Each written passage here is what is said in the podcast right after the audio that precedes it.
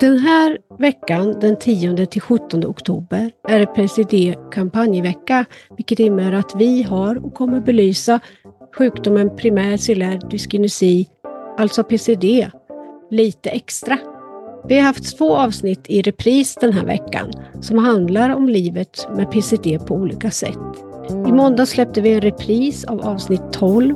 PCD, vad är det? heter det. Och i onsdags en repris på avsnitt 28 om att få diagnos sent i livet. Har ni inte lyssnat på dem så gå gärna in och gör det. Ni lyssnar till podden Osynligt sjuk och jag heter Petra.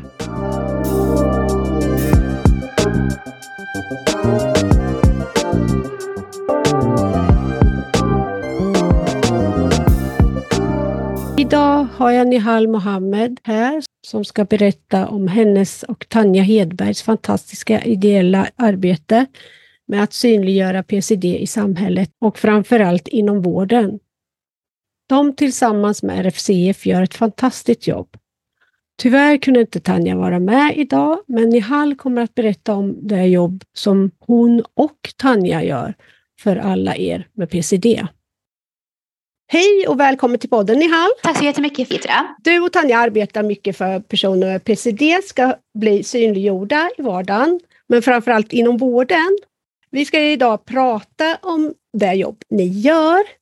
Så jag börjar med att fråga, vad gör ni för arbete för att öka kunskapen inom vården till exempel?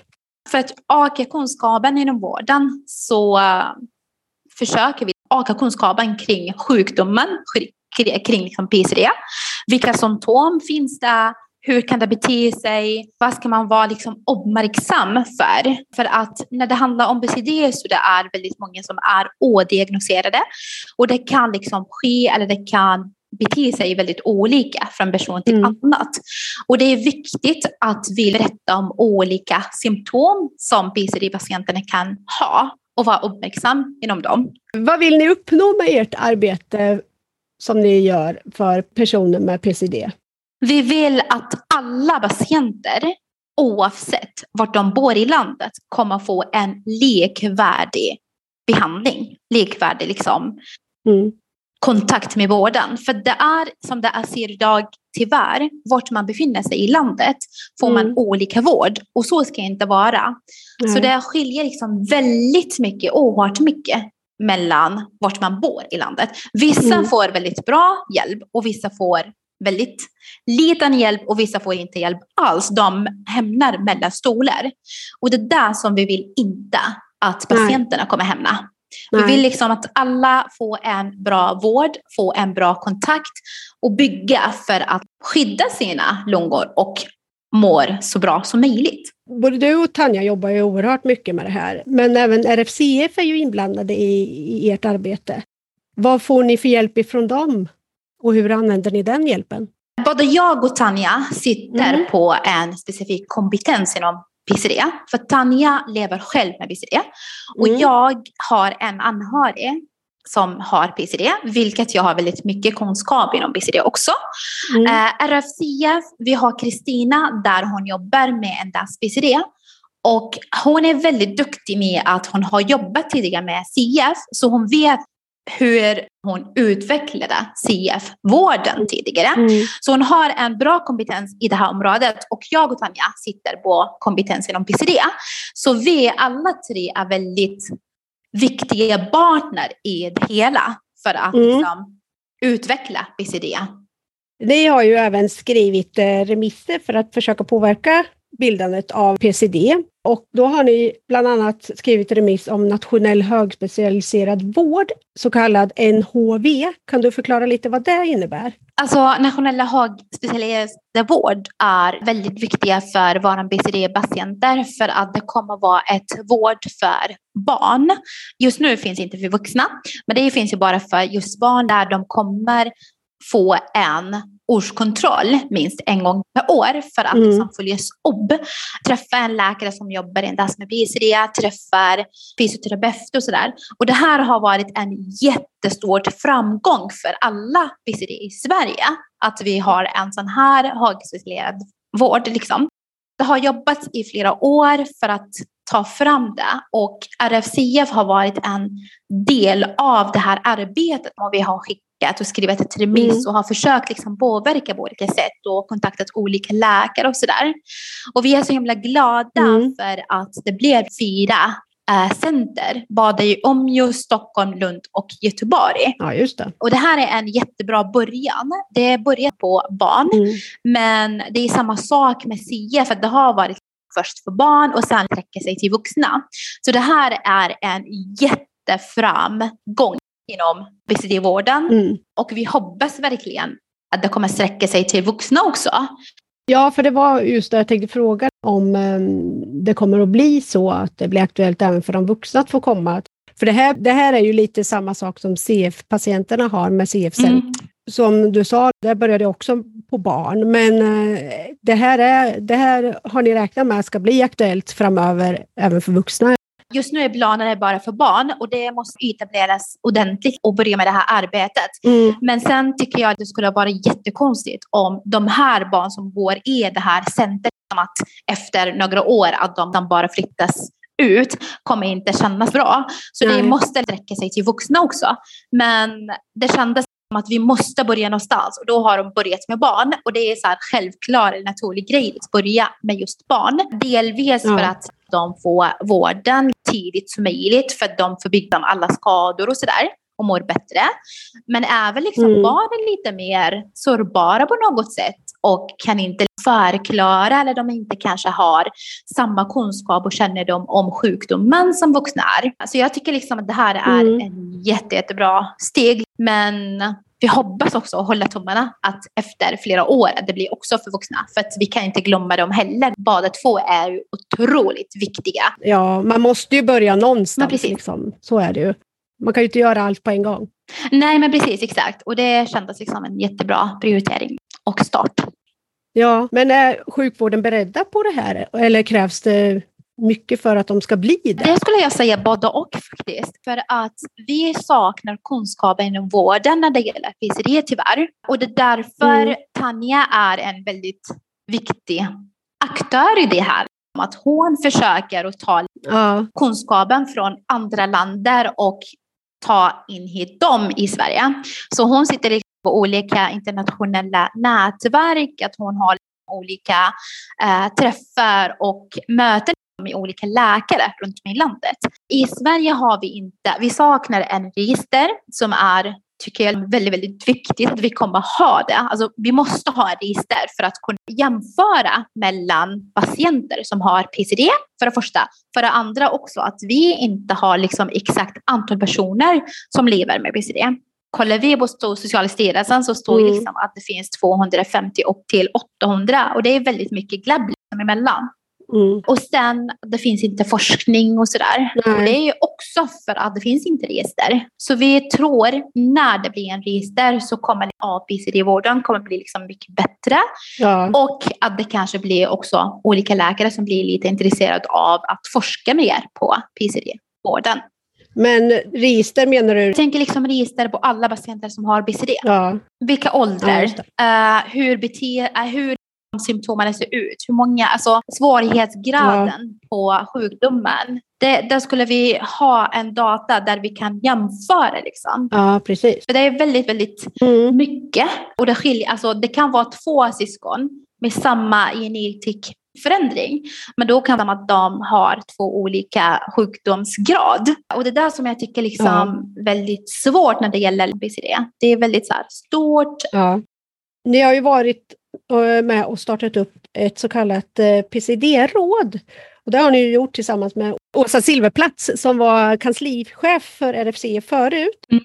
Och då undrar jag lite, vad är ett sånt här PCD-råd och vad gör och innebär det rådet för mm, mm. PCD-erna? PCD-råd är en väldigt, väldigt viktigt för PCD-utvecklingsvården. För att då liksom vi koordinerar mm. mellan läkare. Vi träffar olika läkare runt om i Sverige och skapar olika dialog. Vi, alltså, de har en tid tillsammans där de byter erfarenheter, spanar liksom lite olika idéer, hur ska vi gå vidare? Om vi inte har den här råden så kommer vi inte ha den här dialogen mellan läkare. Alltså det, är här, det är en en, en, en jätteviktig Mm. tid för just läkare att ha den tiden och byta erfarenheter Ja. och kanske inspireras av varandra. Även liksom att vi som sitter, i det här rådet sitter jag och Tanja också. Jag som sagt har en anhörig så jag kan ha det här perspektivet Mm. och Tanja själv lever med BCD. Mm. Så hon har, alltså, sitter på oerhört mycket kunskap och kompetens som vården behöver lyssnas på. För när läkare träffar liksom patienter, oftast liksom är de upptagna med att kolla undersöka och sådär, men de har inte den här tiden att sitta ner och prata ordentligt om Ja. utmaningar, möjligheter, hur det kan det här bli bättre. Och där tror jag liksom att vi kan utöka kunskaper inom inom PCD-vården oerhört mycket. Vi pratar inte bara om våra perspektiv, vi pratar liksom andras också patientperspektiv. Vi träffar andra patienter, vi träffar liksom BCD-erna. Vi träffar väldigt många som äntligen lever själva eller anhöriga Mm. till någon som lever med BCD. Så vi liksom samlar alla de här perspektiv. Ja. Ni för deras talan lite. Ja men exakt. Jag tycker liksom det här rådet är ju oerhört viktigt och jag är väldigt glad och stolt liksom att vi Mm. har startat igång det här arbetet. Men vilka är det som sitter? Det du och Tanja. Eh, vilka är det fler som sitter med i det här rådet? Vi har läkare både från Uppsala, Lund, eh, Göteborg, Ja. Stockholm. Så vi har olika läkare som sitter, alltså lungläkare. Ja. Men är det bara läkare? Ja, det är bara läkare och Ja. eh, ja, Kristina från RFCF nu. Eh, Ja. Och jag Tanja då. Ja, just det. Ni har ju även startat digitala medlemsmöten. Mm. För vem är de här mötena och vad pratar man om där? De här mötena är personer som lever själv med BCD eller anhöriga till Mm. BCD. Och de, de här mötena är ju liksom också för att utbyta erfarenheter och få deras pers- pers- perspektiv i det här. Och varje person som sitter i de här mötena är unik för att deras röst kan bli hörda, utbyta liksom erfarenheter och vi får alla dessa perspektiv, både jag och Tanja och Kristina, för att göra förändring. Mm. Ja, men precis. Men ni har även tankar på att starta något som heter Community Advisory Board. Vad är det? Kan du förklara det lite? Mm. Till de här personerna som har PCD, eller anhöriga till PCD och vill bidra till att utveckla PCD-vården. Att vi kommer ha ett råd där vi kommer liksom diskutera de här ämnena som vi gör idag, jag, jag och Tanja och Kristina. Men vi vill liksom att bredda Mm. det här mer för att få deras kompetenser också. Ja. Alltså, det är väldigt mycket succé eh, som kan ske också när människor möts. Och där kan vi gå direkt till PCD Lives Hacks som är en av våran PCD-patienter eller PCD-medlemmar i de här mötena har kommit med förslag med att skriva om hur, alltså hur kan vi tipsa varandra när vi är sjuka, vad vi gör och sådär. Men det här är bara man skriver och inte pratar alltså? Nej, nej, advisory board är ju så här att vi kommer ha möten. Vi har inte bestämt exakt hur många antal gånger vi träffas per år, men vi kommer ju träffa några tillfällen där vi kommer ha en tema. Okej. Och i de här temana är liksom att vi diskuterar vidare. Ja. Hur kan vi göra det här? Alltså vi kommer ha en, så här, en timme varje gång och där vi kommer få nytta av de här personerna som sitter i Ja. det här advisory board då liksom. Ja. Men eh, vad är det för skillnad då på det, det här Community Advisory Board och digitala medlemsmöten? Vad är det för skillnad på de två? Eh, skillnaden är, digitala mötena är ju liksom att bara fördela erfarenheter eh, och berätta om ja. dem liksom, och få deras perspektiv. Och det, det kan också så här en jättegrej, som sagt liksom jättebra grej att vi kan få nytta av att liksom, vi får deras perspektiv och vidare Ja. på något sätt. Men på det här advisory board, liksom, att vi vill gräva lite mer i BCD. Men är det här något som finns i andra länder? Eller? Mm. Eh, ja, men det finns ju liksom i andra länder. Det finns ju liksom olika nätverksträffar. Där Mm. kommer ju finnas, eh, det finns i ERN exempelvis nätverksträffar som är internationellt. Och där sitter både personer med PCD, personer som är anhöriga, men även läkare och olika personer Ja. som jobbar inom vården och forskare och sådär. Ja.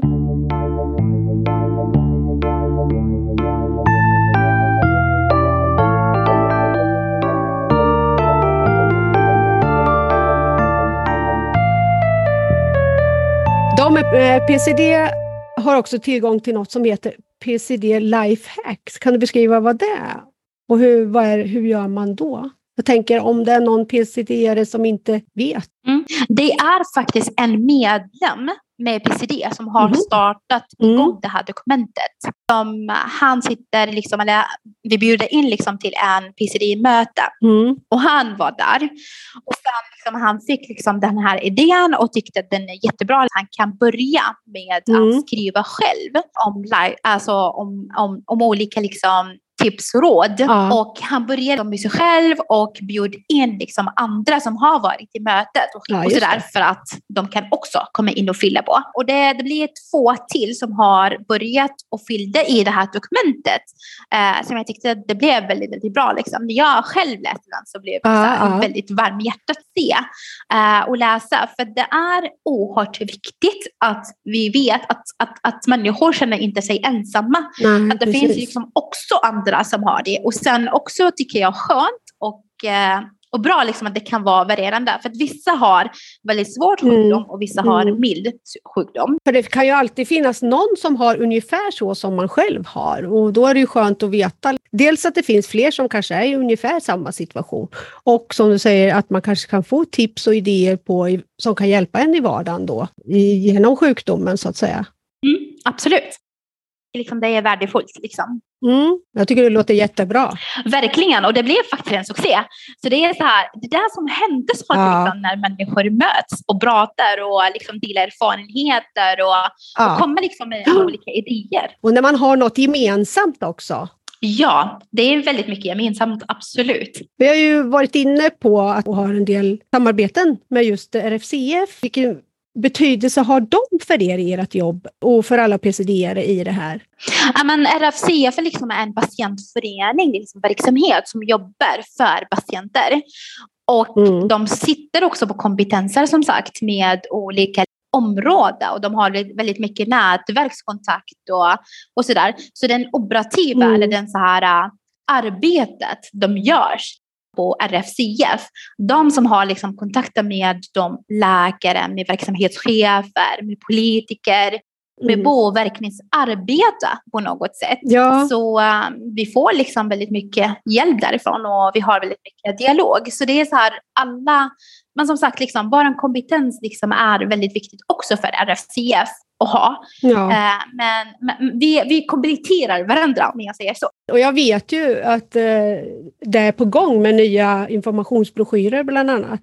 Ifrån, mm. Dels då, som Kristina Radvan har hjälpt till och eh, gjort med er, som ska kunna mm. vara till hjälp både för allmänheten men också för alltså just sjukvården. Eh, hur har det samarbetet mm. gått till och hur har det gått tycker ni? Mm, men absolut, det har mm. gått jättebra faktiskt. Vi hade ju olika diskussioner, hur ska vi göra och sådär olika möten och så, vilket jag tycker är också jättehärligt. Vi får också den här dialogen på något sätt. Kristina har tagit informationsbroschyren och eh, faktan som kommer att finnas i den här broschyren har tagit fram. Och sen hade ju också frågat eller rådgjort med läkare att de godkänner alla texter om det var mm. bra eller så. Det måste vara också så här, ja. faktabaserat, att det liksom är rätt information. Sen har jag haft kontakt med PCD, eh, alltså PCD-anhöriga mm. för att liksom fylla i olika frågor ja, formuläret för att få liksom klart.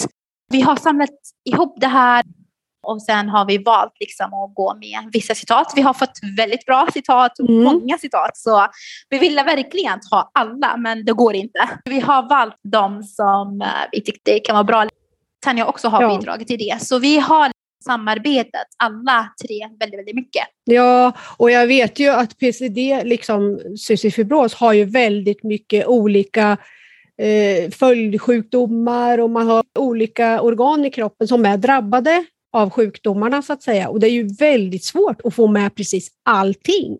Det, det skulle ju behöva en halv bok om man, om man ska förklara ja, alla de precis. symptomen man har på olika sätt. Så att det är mm. klart att man måste, någonstans måste man ju skära ner på information men ändå få med det mest väsentliga som är för just sjukdomen. Så att eh, det måste vara jättesvårt att sitta och veta vad man ska ta med. Ja, För det är ju olika för olika. En del kanske tycker att den här grejen har ju jag, varför har inte det kommit upp? och lite. Men som sagt, det är så pass mycket olika. Det är väldigt svårt. Så det är, väl, det är ju bättre att någonting kommer fram i alla fall. Ja men precis, alltså det är så här, det är viktiga saker ja. som är så här mer vanliga symptom. Det finns ju liksom ovanliga symptom ja. och det är liksom lite svårt att få med liksom ja. allting. Ja. Men de här vanliga som drabbar mest alla. Ja, de vanligaste symptomen. Exakt, precis. De som kanske är lite mer prioriterade, mm. som borde komma fram. Mm. Så i broschyren har vi faktiskt två. Det ena liksom till anhöriga mm. som, uh, som har fått, deras barn har fått precis diagnosen. Mm. Men även för även vuxna. Mm. kommer bli jätte, jättebra. Ja. Uh, När räknar ni med att de här broschyrerna ska vara klara och komma ut? Uh, ganska snart. Så mm. vi förhoppas liksom nu i oktober att ja. de kommer kunna komma ut när man går in på 1177 och internmedicin och Socialstyrelsen och alla möjliga sidor så står det ju där står det ju väldigt mycket om olika sjukdomar. Men som jag förstår det så har ju även alltså texter om PCD det riktigt uppdaterats. För jag menar, det händer ju grejer även inom PCD som man under tiden måste uppdatera. Mm. Och det, eh, som jag har förstått, så har inte det riktigt varit så att det har gjort det med jämna mellanrum. Är det fler platser där man ser behöver uppdateras så att allmänheten och även vården får rätt information om sjukdomen, så att säga? Jag tycker liksom att två av de viktiga källor är liksom Socialstyrelsen och 1177. Mm. Och när Socialstyrelsen partex som har stått i mer än fem år. Ja. Det känns inte liksom riktigt fräscht tyvärr. För att vi, alltså, när, när någon går in och läser, läser den senaste.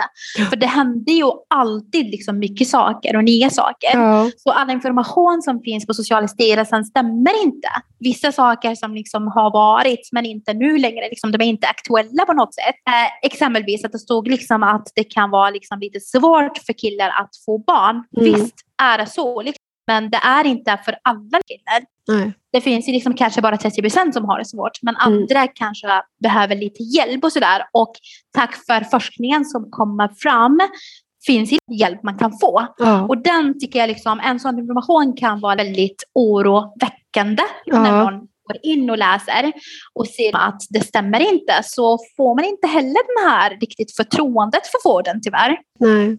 Sen på 1177 tycker jag liksom när någon är sjuk så borde man gå in och läsa lite fakta om sjukdomen. Där vi saknar totalt någonting om PCD. Mm. Trots att PCD har varit känd liksom sedan 1990, ja. om det inte innan. Så eh, det är ganska många år. Ja, och det är ju där de flesta, oavsett om man vill söka information om sjukdomar eller sjukvården, så är det 1177 man går in på och då borde det ju mm. finnas rätt. Det borde det faktiskt. Det borde vara självklart. Men tyvärr, det mm. är inte det. Uh, men det är också att vi behöver hitta en läkare som Precis. verkligen vill brinna för mm. liksom, PCD och ha liksom, lite extra hjärta för det. För att kunna få arbetet vidare. Även om det finns goda läkare. Jag skulle inte säga att alla läkare är så. Men... Och det blir ju liksom en trygghet för patienterna också. Om de vet att det finns någon som faktiskt verkligen mm. sätter sig in i problematiken så att säga. Ja men absolut. Ni har ju kommit med och skrivit in en eh, proposition om namnbyte i RFCF. Er patientgrupp PCD eh, ingår ju i, i Riksförbundet Cystisk och mm. med det skulle ju ni vilja eh, att man då får med det i namnet i förbundet. Hur har det mottagandet varit och hur, eh, hur ser det ut gällande den namnbytet? Mm. Eh, den här har mottagits faktiskt väldigt bra. Vi har liksom skrivit om det och berättat om det här i kongressen som har varit i år. Mm. Och vi fick liksom att utreda det här till fram till kongressen i maj 2024. Ja. Um, så vi arbetet kommer att påbörja ganska snart angående namnutbyte. Och jag tycker namnändringen kommer lyfta PCD på helt annat nivå. För då kommer PCD känna sig mer inkluderande. Mm. Vi har varit en del av RFC, riskförbundet RFCF. Mm. Det har inte inkluderat i namn. Jag vet liksom att det kanske, liksom, för vissa har sagt att det kanske blir liksom väldigt långt och sådär. Men oavsett liksom kändes som är en en, en bra grej för pizzerierna att de känner sig inkluderande. Ja, och mera synligt. Och mer synligt, precis. Så det här kommer vara också en av de stora grejerna Mm. som kommer ske 2024. Ja, ja, just det. Och det är till nästa kongress, ska vi säga. Då. Ja, precis. Ni sitter ju även med i en referensgrupp som heter NPO. Vad är NPO? Vad står det för? Det står ju för sällsynta diagnoser. Mm. Uh, och det finns ju väldigt många sällsynta diagnoser i Sverige såklart, uh, eller i världen också. Så den här är en väldigt viktig aktör när det gäller till uh, vårdens utveckling. Mm. olika sjukdomar och hur vi kan gå vidare och sådär. För att i den här referensgruppen sitter viktiga personer ja. som både jobbar i de höga kvalificerade center liksom runt om i Sverige eh, och sitter på olika kompetenser. Mm, mm. Eh, var en syfte med att jag har varit liksom representerat RFCF i det här mötet som har varit i maj ja. i Stockholm. Och syftet med det är liksom att vi, jobb, vi vill jobba fram, alltså vi vill synliggöra PCD ännu mer och Mm. jobba fram för att ta en äh, register. Och i en sån här referensgrupp så kan vi få lite hjälp och stöd och liksom guidning hur vi kan gå tillväga, hur vi gör och sådär. För det verkar inte tyvärr enkel väg att jobba med alltså register överlag. För det handlar om liksom också om GDPR och alla måste godkänna Ja, men precis. sådana saker. Ja. Så det finns ju så här väldigt, väldigt små detaljer. Mm. Eh, så. så i en sån här referensgrupp som sagt, vi kan få synliggöra varann eh, Ja. Tanja jobbar ju väldigt mycket internationellt med just PCD-frågor, som att ge den svenska sjukvården mer kompetens som PCD. Men vad har det med det internationella arbetet att göra? Eh, finns det någon koppling mellan det internationella arbetet och det ni gör? Era nätverk är liksom internationellt, men vi i Sverige också sitter i det. Det är en europeisk liksom, nätverk, om man säger så. Mm, mm. Och jag nämnde i början att PCD-vården i Sverige på grund av vi saknar register och sådär. Det har inte varit liksom mycket forskning, det har inte varit liksom mycket studier. Vi behöver liksom utöka kompetenser och kunskaper inom vården framför allt. Så i de här nätverken som Tanja sitter i finns ju mera kunskaper. För Ja. att det finns liksom, vissa länder har en register, vissa länder har liksom mycket forskning och, och mycket arbete liksom kring PCD och sådär. Mm, mm. Och det är oerhört viktigt att vi får ta del av de här informationen och de här studierna som görs och forskning och Mm. sådär.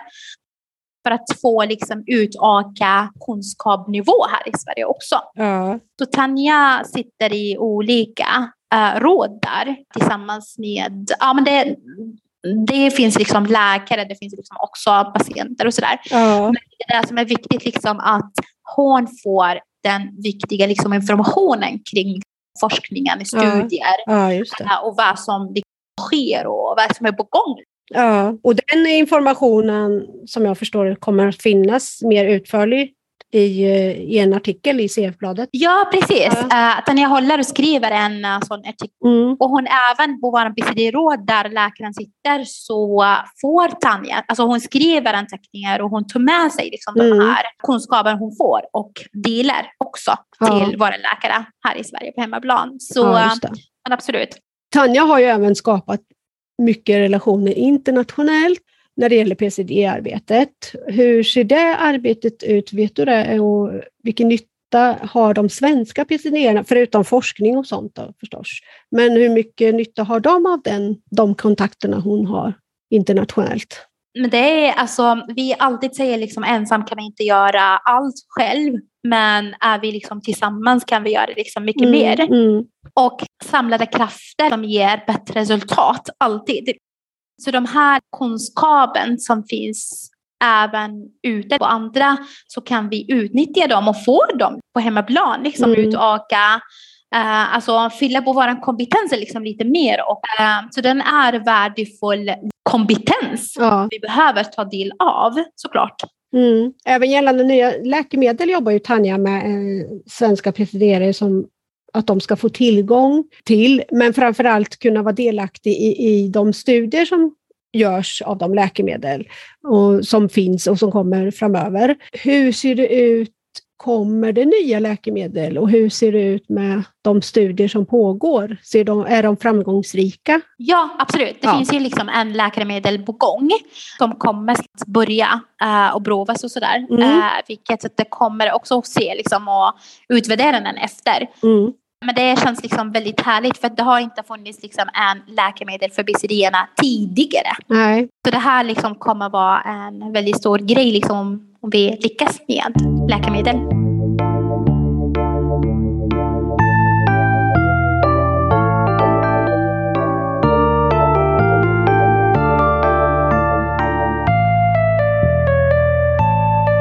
RFCF har ju även haft och har olika arvsfondsprojekt. Och ett projekt som nu är igång är ju projektet Själv men inte ensam som leds av RFCFs projektledare Lotten Sundin Björk. Där har Tanja inlett ett samarbete med Lotten för att lyfta fram de olika psykosociala problem som man faktiskt kan tampas med när man lever med en sjukdom som PCD. Varför tycker ni att det samarbetet är viktigt och vad kan det handla om som personer med PCD har tankar om och funderingar i vardagen? Jag tycker liksom det är alltid det psykiska problem är ju liksom ett stort problem oavsett om man har sjukdomen eller inte. Mm. Men det gäller liksom kopplat till en person som har också lever med BCD blir Alltså det blir liksom lite mer. Mm. Och det finns ju väldigt mycket oro. När en person har en kronisk sjukdom så finns ju väldigt mycket oro ändå. Mm. Äh, kring ah, vad kommer det hända liksom, och om jag kommer bli bra eller inte.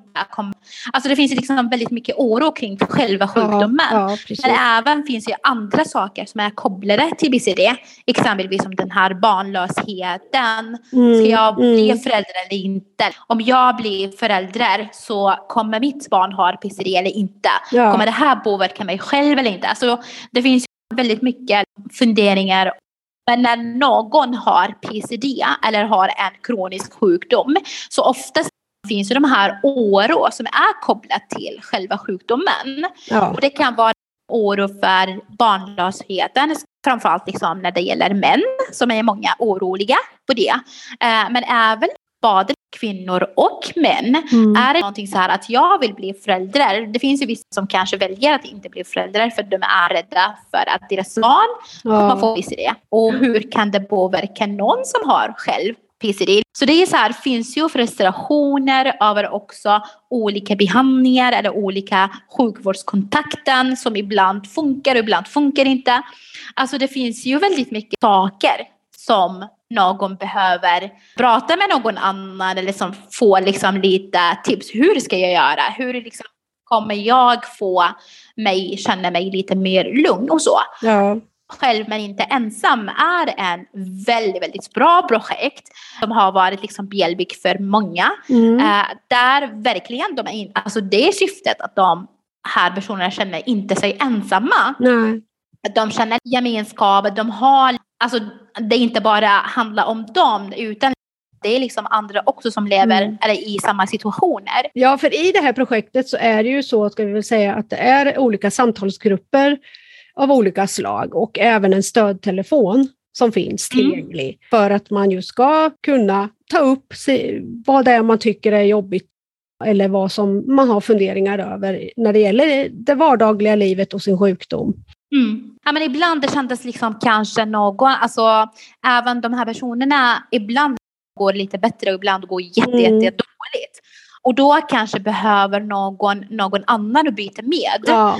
Där behöver någon prata med någon som förstår ja. att i samma situationen. För att om du pratar med någon som inte liksom har varit i samma situation så den här personen är svårt att sätta in i dig, i ja. din situation. Liksom. Men när det blir liksom utbyte, att jag pratar med någon och jag vet den här personen har den förståelse för ja. att ha varit med om det här tidigare. Det underlättar ju liksom lite. Ja, och sen är det ju så som kroniskt sjuk så vill man ju inte lägga den bördan på någon annan, som till exempel någon anhörig eller någonting. Så blir det kanske lätt att man går med vissa tankar och funderingar som man egentligen inte skulle göra. Och då är det ju perfekt med sådana här grupper, där det är bara de som har samma sjukdom som pratar om just de här grejerna till exempel. Eller som stödtelefonen. Så du behöver inte vara rädd för att du belastar dina anhöriga med saker och ting. Grejen är ju att som sjuk så tänker du så, men oftast är det ju inte så. Alltså att man, man belastar oftast inte sina anhöriga om man säger någonting, snarare tvärtom. Men så känns det inte när man är kroniskt sjuk eller har eh, de problemen. Liksom. Så att, då kan det ju vara, har man de känslorna, då är det ju skönt att kunna ha någon annan att prata med.